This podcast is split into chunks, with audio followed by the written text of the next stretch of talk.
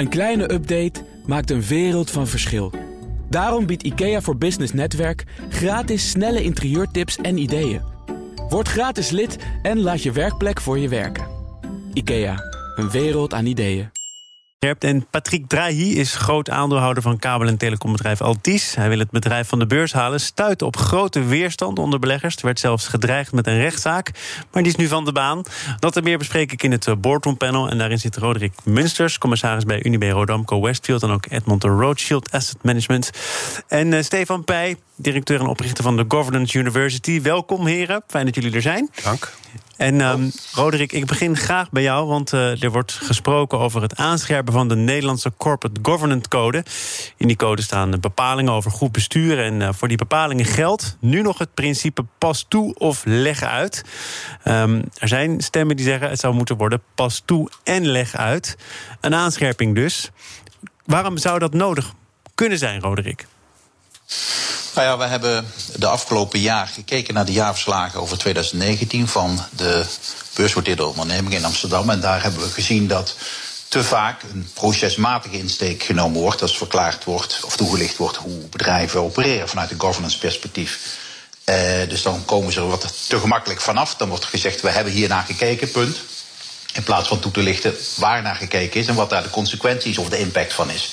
Dat vinden we een beetje mager als commissie. Vandaar dat we ons buigen over uh, of we dat uh, moeten willen veranderen. Ja, een, een, beetje mager. Dat is misschien nog zacht uitgedrukt. Paulien van der Meermoor is voorzitter van die commissie. Ook geen onbekend dit programma. En uh, die zei in het FD dat je als je dieper op de zaken ingaat... dingen tegenkomt waarvan je denkt, dat kan toch niet waar zijn.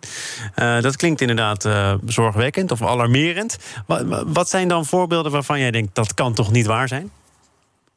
Nou ja, dat bijvoorbeeld uh, op het gebied van diversiteit, waar, waar nu wetgeving aan zit te komen, ondernemingen niet toelichten waarom de beweging die ze maken er eentje is naar minder diversiteit in plaats van meer wat uh, de samenleving uh, verwacht. En wat ook voor een onderneming, zo blijkt uit vele onderzoeken, veel beter is in termen van goed bestuur en resultaten voor alle stakeholders. Dus de beweging is anders dan wat we zouden verwachten en wat ook uitgesproken wordt in, in wetgeving straks. En dat kan toch inderdaad niet waar zijn, denk ik. Ja. Maar dan geldt nu dus het principe pas toe of leg uit. Dus onder de nu geldende norm, de nu geldende set regels, kun je dus zeggen: Nou ja, inderdaad, uh, we zijn ons bewust van dat we eigenlijk A moeten doen, maar we doen B en dat doen we omdat. En dan een verklaring. Ja, dat kan. Nou komt die verklaring ook al niet altijd. Dus dat is een andere leemte in, uh, in het proces, uh, zien wij soms. Dus, dus er zijn ook bedrijven die gewoon niks verklaren. En dan moet je door heel nauwkeurig en heel nauwgezet te zoeken zelf tot de conclusie komen dat er misschien wel wat minder gebeurt. Of op een andere manier als dat je zou verwachten. Maar omdat er niks verklaard wordt, komt dat ook niet makkelijk naar boven. Dus dat zijn twee redenen om, uh, om hier eens goed naar te kijken. Iets wat we op ons werkprogramma voor 2021 hebben staan. Nou, Stefan, het is ook jouw vakgebied. Uh, ja. Als je dus het echt zou laten bij de cijfers en de naleving daarvan, dan uh, wordt er gesteld dat 98,4% van de bedrijven zich aan deze code houdt. Ja. Vals optimisme, zegt onder andere Paulien van der Meermoor. Ja. Is het vals optimisme? Ja, Pauline van der Meermoor heeft eigenlijk vanaf het begin al gezegd dat ze eigenlijk baalt ervan. Dus je kan eigenlijk best wel het iets steviger uitdrukken dan in het begin uh, net uh, gedaan werd. zij, zij baalt eigenlijk van die hoge compliance rate versus het gebrek aan transparantie. Uh, nou moet ik wel zeggen dat ik vind dat pas toe en leg uit wel te ver gaat. Want dat betekent eigenlijk dat de, de bepalingen hè, waar je aan voldoet. Die zouden, die zouden voor zich moeten spreken. Als je zegt pas toe en leg uit, betekent eigenlijk dat je de hele code moet gaan, gaan uitleggen. ook waar je wel aan voldoet. En ik denk als de bepalingen goed geschreven zijn, dan zou je toch pas toe of leg uit moeten kunnen handhaven. En, en nog even voor de mensen die uh, niet elke dag met die code bezig zijn. Uh, we hebben het net gehad over diversiteit, dat staat erin. Centraal begrip is ook lange termijn waardecreatie. Um, maar Roderick, waar gaat het nog meer over? Nou ja, dat, dat is een uh, stakeholdersdialoog is een andere, hè, die je nu in de maatschappij meer aandacht ziet krijgen. En er zijn een aantal ondernemingen, en we hebben dat in onze rapportage ook laten zien, die daar goed mee omgaan, die daar transparant over zijn en ook laten zien wat ze ermee doen. Maar er zijn ook ondernemingen die zeggen: nee, daar zijn we mee bezig, punt. Even terugkomend op, op de, de inzet van, van Stefan. Ik, ik denk niet dat je overal pas toe en leg uit zou uh, moeten willen hebben. Maar je, je zou daar selectief uh, aandacht voor kunnen vragen. En op een paar speerpunten kunnen vragen. Nou, laat maar eens zien wat je dan doet. Ja, en die speerpunten zijn natuurlijk duidelijk benoemd hè, door de commissie. Uh, zij noemt dat leemtes, zoals diversiteit, uh, beloningsbeleid. Roderick noemde net al uh, dialoog met stakeholders, maar ook lange termijn waardecreatie en cultuur. Dus dat zijn eigenlijk zachte onderwerpen die heel moeilijk uitgelegd kunnen worden, omdat mensen er eigenlijk niet goed woorden voor kunnen vinden, volgens mij. Maar dan, dan begrijp ik hier dus dat Roderick jij ook vindt dat je niet alles wat je doet, en zeker niet als je doet wat er eigenlijk bedoeld is, zou moeten uitleggen. Dat doe je dus op een aantal specifieke onderwerpen. Nee, ik, ik, ben een groot voorstander van vertrouwen en uitgaan van het goede. Ook, ook bij ondernemingen natuurlijk. Maar, maar, als wij zien als commissie dat er een aantal leemtes vallen, dan, dan zul je moeten nadenken: oké, wat kunnen we daar dan aan doen? En dan zou dit een, in, eh, een inzet kunnen zijn. Nogmaals, het staat op onze werkagenda voor volgend jaar. Dus, dus eh, uiteindelijk valt het nog maar te bezien wat we gaan doen. En naar goed Nederlands gebruik zullen we ons verstaan met onze, onze eigen stakeholders, dus graag in de partijen zoals ze heten, om eens te kijken hoe zij hier naar kijken. Wat gebeurt er nu eigenlijk als die code wordt overtreden... of als er inderdaad maar mondjesmaat invulling wordt gegeven? Wat, is dan de consequentie, Stefan, voor een bedrijf? Nou ja, goed. Uh, in feite is die consequentie nu nog heel weinig, omdat je vrij makkelijk compliant kan zijn. Je ziet dan het cijfer van 98,4, terwijl de commissie eigenlijk niet tevreden is dat dat cijfer dus ook niet representatief is. De commissie kan ook niet zo heel veel doen. Uh, je kunt naming en shaming doen, maar de commissie kiest ervoor om, om positieve voorbeelden te noemen. In hun rapport hebben ze dat ook gedaan, hè, zoals TomTom en Randstad en zelfs Altis. Uh, staat nog op het menu? Het staat nog op het menu, maar PostNL, DSM, die hebben allemaal in hun jaarverslag uh, best practices. Dus uh, het positieve is duidelijk de insteek van de commissie en niet zozeer slaan met de liniaal over de vingers. Nee, maar, maar Roderick, Stefan zegt hier, die commissie kan ook eigenlijk niet heel veel meer doen dan wat er nu gedaan wordt. En met andere woorden, 98,4% van de bedrijven gaat wel over, maar het is een beetje met hangen en wurgen. Vind je eigenlijk dat je als commissie meer zou moeten kunnen doen? Nee, ik denk het niet, want wij, wij kunnen een framework neerzetten. Wat we, wat we aan kunnen passen over de tijd. Moet je ook niet te vaak doen, denk ik. Maar waar vervolgens beleggers, uh, aandeelhouders met stemrecht uh, op vergaderingen wel iets mee kunnen en zullen doen. En langs die lijn kan er wel degelijk iets gebeuren. En nou ja, Altis is dadelijk een mooi voorbeeld dat er ook soms dingen gebeuren. Ja, ja, dan leg je het dus, en dat is natuurlijk ook hoe het nu geregeld is in handen van bijvoorbeeld aandeelhouders. Een andere factor zou natuurlijk kunnen zijn wetgeving, regels vanuit Den Haag. Dat wordt bovendien ook bepleit door een aantal hoogleraren. Uh, hier vaker besproken. Die zeggen, ja, goed gedrag zou je eigenlijk wettelijk moeten verplichten. Daar zijn ook discussies over geweest, dialogen uh, met commissarissen van grote bedrijven. Ook weer met Pauline uiteraard. Um, Stefan, zou jij dat zien zitten? Absoluut niet. Uh, ik, uh, uh, ik zie een hele mooie groep hoogleraren die allemaal in de juridische hoek zitten en waarschijnlijk automatisch denken als wetgeving, als oplossing voor veel kwalen. dat noemen ze dan verantwoorden, vennootschap, wetgeving. en ik zie dat als schieten als een kanon op een bierblik. Het is, Want het probleem is niet zo groot. Ja, het, het, probleem is er wel, maar wetgeving is duur, wetgeving is log, wetgeving is traag. En het kan via de code eigenlijk prima geregeld worden. Maar die code is er nu ook al. En we bespreken hier al tien minuten dat dat toch nog wat gebreken met zich meebrengt. Ik denk dat de commissie uh, heel op de goede weg is. En dat ze dit uh, nadrukkelijker kunnen gaan opnemen. Uh, als je hier wetgeving voor maakt, wat ik al zeg, dan, dan ben je iets heel groots aan het optuigen. En je kan dingen als de corporate, corporate purpose, zoals dat mooie wordt gezegd, in de statuten vastleggen. Wat dat moet je dan? Niet... Het is wel mooi gezegd, maar wat betekent het? Dat ja, je dat een dus doel hebt als bedrijf? Ja, het, het, doel waar je voor op aarde bent, oh. zou, je dan, zou dan in de wet komen te staan dat, dat, dat je dat vast moet leggen in je En uh, dat, ik denk dat elk bedrijf die vindt dat dat bijvoorbeeld voor de bescherming, hè, zoals je hebt gezien bij Kraft Heinz versus Unilever, dat je altijd je corporate purpose in de statuten zou kunnen opnemen. Dus daar heb je helemaal geen wet voor nodig. Het staat op jullie werkprogramma, Roderick, heb je al een paar keer gezegd. Staat het daar ook op nu, hè, deze aanscherping, omdat er bepaalde zaken zouden kunnen dreigen vanuit Den Haag? Wetgeving bijvoorbeeld? Nee, dat, dat niet zozeer. Ik ben het overigens graag helemaal met Stefan eens dat dat, dat niet Vermoed ik al. Voor, uh, vooruit is. Um, wat, wat, mij betreft is het, waar het om gaat is hoe ondernemingen zich gedragen in relatie tot de maatschappij. En, en codes, zelfregulering, afspraken daarover maken, zijn uh, naar mijn mening effectiever en sneller in te voeren dan, dan wetgeving. Uh, daarnaast kun je dan ook nog eens een keer preciezer zijn. Hè. Het, het, het, schieten met een kanon op een bierblikje is denk ik een mooie, een mooie metafoor ik, eh, ik zie de effectiviteit daar ook niet direct nee. uh, van komen. Het is natuurlijk logisch dat jullie wijzen op eh, effectiviteit. Dan wijs ik nog even op wat ook vaak door bedrijven zelf is genoemd. En als het niet door bedrijven is, dan wel door de politiek. De kloof die er is, hè, de vertrouwensbreuk tussen bedrijfsleven, de bedrijfselite in dit geval, en de politiek.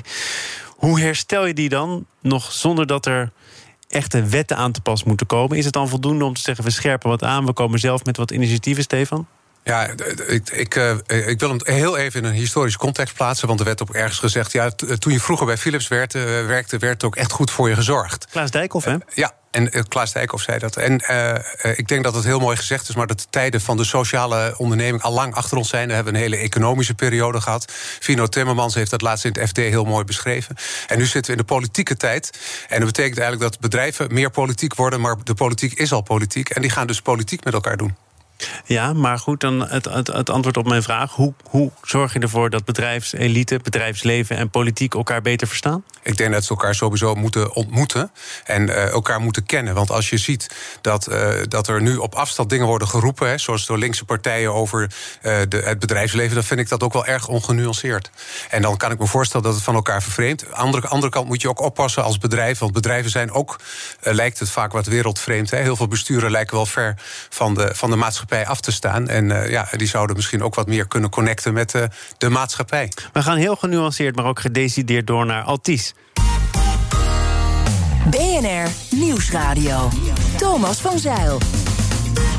En dat doe ik samen met Roderick Munsters. Hij is commissaris bij Unibe Rodamco Westfield... en ook bij Edmond Rothschild Asset Management. En Stefan Pij, directeur en oprichter van de Governance University. En Altiest kwam al een paar keer voorbij. Is uh, grotendeels in handen van Patrick Drahi. En hij wil het bedrijf nu van de beurs halen. Zijn poging dreigde uit te monden in een groot juridisch conflict... want de beleggers konden zich niet vinden in de prijs die Drahi ervoor over had. Hij heeft nu een hoger bod gedaan. De rechtszaak lijkt nu van de baan. Um, en, en even om de context uh, te schetsen. Maar uh, Roderick, die meneer Drahi heeft 78% van alle aandelen, 78% van alle stemmen in handen. Hè? Dus hij is wel een beetje de alleenheerser. Ja, uh, 50% plus één stem, hè? Dan, ben je, dan heb je de meerderheid. Dat klopt, dus daar zit hij heel ver boven. Ja, ik, ik, ik kwam een analyse tegen in het uh, FD en ik, ik haal daar een stukje uit. Investeerders zijn zelf ingestapt in een bedrijf waarvan bekend was dat één persoon met 78% van de stemmen de dienst uitmaakt. Dat is ook aantrekkelijk omdat je ervan uit kunt gaan dat zo'n bestuurder goed voor zijn eigen portemonnee zal zorgen.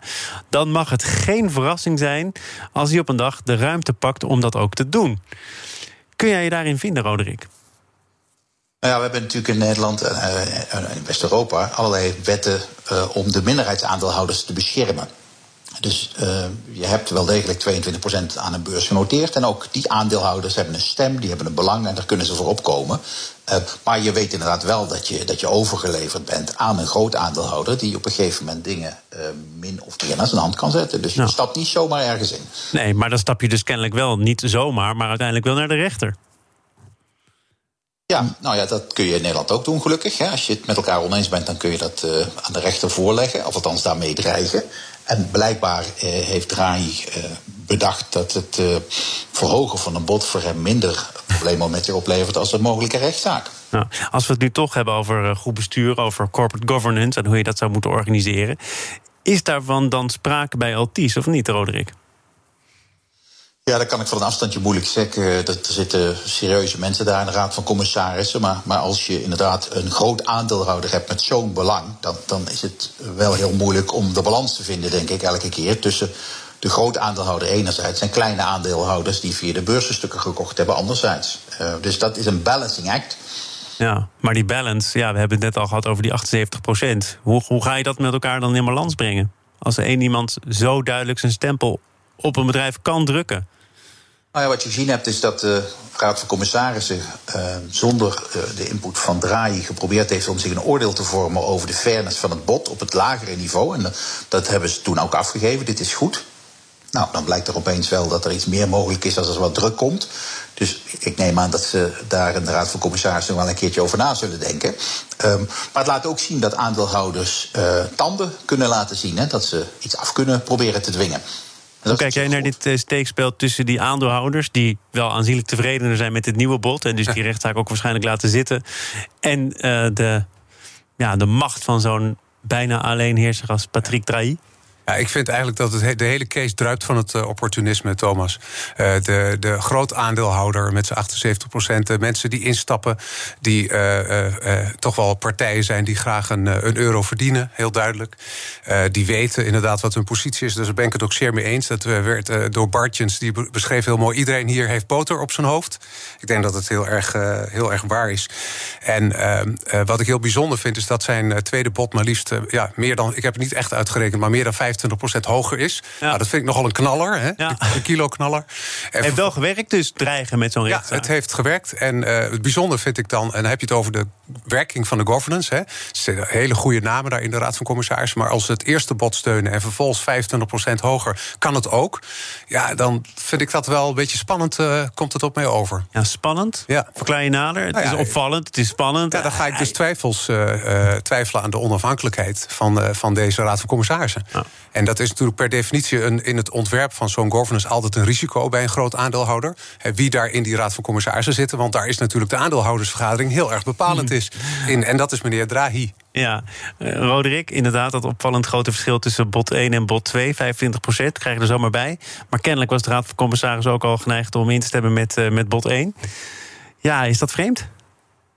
Nou, dat gaf ik net al aan. Ik, ik, ik verwacht dat ze daar uh, hun eigen functioneren wel, wel zullen evalueren. Hebben we iets over het hoofd gezien? Hoe kan dit nou gebeuren? Uh, hebben we een goede afweging gemaakt? En ik, ik vermoed dat ze daar, uh, het in het jaarverslag, het zij op een ander moment nog wel een keer op terug gaan komen. Want het is, het is wel iets wat, ja, laat ik het vriendelijk zeggen, de aandacht trekt. Dan ga ik tot slot naar een, eh, een ander onderwerp dat uh, zeker anderhalve week geleden weer de aandacht trok, namelijk MeToo. Vorige week publiceerde een anonieme vrouw een brief. Ze beschuldigt erin uh, D66-stratege lobbyist Frans van Drimmelen, bij ons ook zeer bekend als lid van het lobbypanel van seksuele intimidatie. Het is overigens het verhaal van weer een andere vrouw op anonieme basis dus. Um, zonder al te zeer op die zaak in te gaan, want dat vraag ik te zijn tijd wel aan Frans zelf of aan een van zijn collega's bij het lobbybureau, waar wij redelijk goede contacten mee hebben. Maar wat was jullie eerste reactie, Stefan? Nou ja, ik, uh, mijn eerste reactie was: Nou, dan gaat hij me dus vragen, Thomas. En dan denk ik: We zullen het onderzoek af moeten wachten. Nou, maar, dat, dat, dat, is overigens ook een reactie die je vrij vaak hoort en wellicht terecht. Ja, vind ik ook. Maar goed, als lezer, die indruk kan ik wel uh, delen. krijg je toch wel gemengde gevoelens bij het gedrag van Van Drimmelen. Als je weet dat hij eerder een contactverbod heeft gehad. Uh, richting de oud-directeur. Uh, die de, ja, dat, is natuurlijk, dat was al geen goed signaal. Uh, aan de andere kant, ja, wat je zegt, onderzoek afwachten betekent wel dat je ergens nog genuanceerd moet blijven. Maar ik zou als ik Sigrid Kaag was wel meteen hier actie op ondernemen. En hem niet in de loop houden zolang dat onderzoek nog loopt. Want dit is echt zo'n ontzettend politiek risico voor haar. Uh, Roderick, wat is er nu de afgelopen jaren? Want MeToo is iets van, uh, in ieder geval in de openbaarheid 2016, 2017. Wat is er nu bij grote bedrijven en grote organisaties veranderd om ervoor te zorgen dat slachtoffers hun verhaal doen en ook te voorkomen dat het nog een keer gebeurt? Nou ja, um wat ik heb meegemaakt uh, van een afstandje is dat er in, eerste instantie, eh, als er klachten zijn, die worden serieus genomen. Vervolgens vindt er een gedegen onderzoek plaats. En dat moet je ook laten doen door uh, onafhankelijken, mensen met, met een zekere deskundigheid ook. Dus dat zien we ook niet altijd, maar zo zou het moeten. Vervolgens is er hoor en wederhoor. En uh, kijk je wat uiteindelijk dan het oordeel is, en moet je ook maatregelen treffen, zowel naar uh, de partij toe die in de fout gegaan is, als daar sprake van is, als in je bedrijf om te voorkomen dat het nog een keer gebeurt. En dat doe je door te communiceren met je medewerkers, door te laten zien hoe het wel moet, door zelf het goede voorbeeld te geven. dus de, in, mijn uh, beleving staan ondernemingen daar meer open voor en zijn ze daar nadrukkelijker mee bezig. Waarbij uh, dat met name in de Verenigde Staten, ik ben commissaris bij een aantal Amerikaanse ondernemingen, uh, heel duidelijk ziet. Ja, maar, en, en, maar wat doe je dan bijvoorbeeld uh, op papier? Ik denk dat je gedragscodes kunt aanscherpen. Uh, er komen ook weer artikelen eh, naar boven en naar buiten waaruit blijkt dat er toch nog wel een bepaalde weg gevolgd wordt. Namelijk, nou goed, we hebben erkend dat er misschien iets misgegaan is. Dat valt af te kopen. Hou je mond en we praten niet meer over. Je krijgt een mooie zak geld mee en dat was het dan. Ehm, dat gebeurt toch ook nog, Roderick? Nou, ik sluit niet uit dat dat gebeurt. Het is ook niet per se slecht. Maar als je het daarbij laat, is het volgens mij onvoldoende. Dus waarom is dat niet per se slecht? Want dan, dan, dan, dan is het toch gewoon iets wat je in de doofpot stopt? Nou, vandaar dat ik. Oh, pardon. Was een betoog. Deel 2.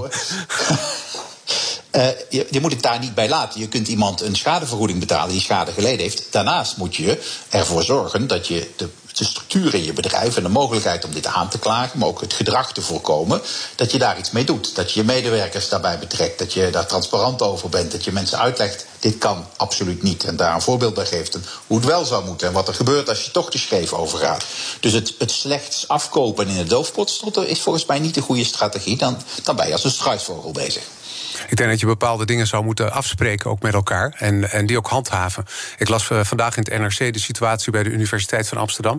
Waarbij, uh, waarbij die decaan dat eigenlijk helemaal niet droeg. Terwijl wel expliciet de veiligheid van de studenten uh, wordt genoemd daar in, in, in alle gedragscodes en zo. En dan kun je dat allemaal opschrijven en zo. Maar als het niet gedragen wordt, dan, dan houdt het ook gewoon helemaal op. Maar met gedragen bedoel je, die man heeft zich er niet voor ingespannen? Niet voldoende. Ja, en daardoor heeft heel veel daar kunnen gebeuren. En is er gewoon heel veel pijn geleden. Dan heb ik het over de UVA. Maar uh, bij, bij D66 heb je natuurlijk in feite uh, het verhaal van... je kan wel iemand wegsturen straks misschien als blijkt dat hij schuldig zou zijn... en je stuurt hem weg, maar je moet kijken naar de hele omgeving, naar het systeem.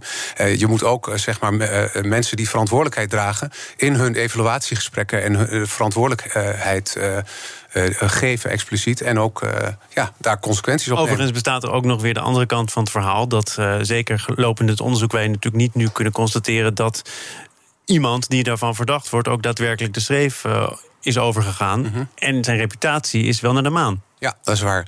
En dat is ook wel het, het verhaal van op pagina 1 staat dat je wordt uh, beschuldigd. Ja. En op pagina 16 dat het uh, bleek uh, ongegrond te zijn.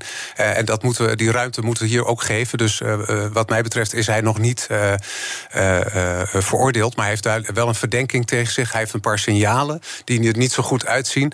En ik denk dat Sigrid Kaag een beetje op de grens is door nog niet te hebben gezegd. Hij gaat even uit de loop. Maar ook dat zij zegt, die, die, die persoon die de melding heeft gedaan moet zich bekendmaken.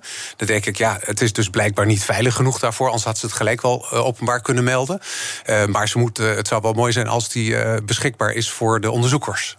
Stefan Pij, directeur en oprichter van de Governance University... en Roderick Munsters, commissaris bij onder andere Unibe Rodamco Westfield... en Edmond de Rothschild Asset Management.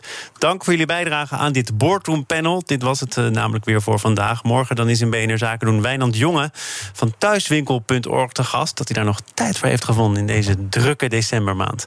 Uh, ik ga uh, aan hem vragen of webshops een beetje klaar zijn... voor wat er allemaal op hen afkomt... en wat er allemaal al is verwerkt de afgelopen weken. Morgen meer daarover Zometeen eerst Nieuwsroom, de dagelijkse podcast van het FD en BNR. Gepresenteerd door Mark Beekhuis. Geniet daarvan. Tot morgen. Als ondernemer hoef je niet te besparen op je werkplek. Want IKEA voor Business Netwerk biedt korting op verschillende IKEA-producten. Word gratis lid en laat je werkplek voor je werken. IKEA, een wereld aan ideeën.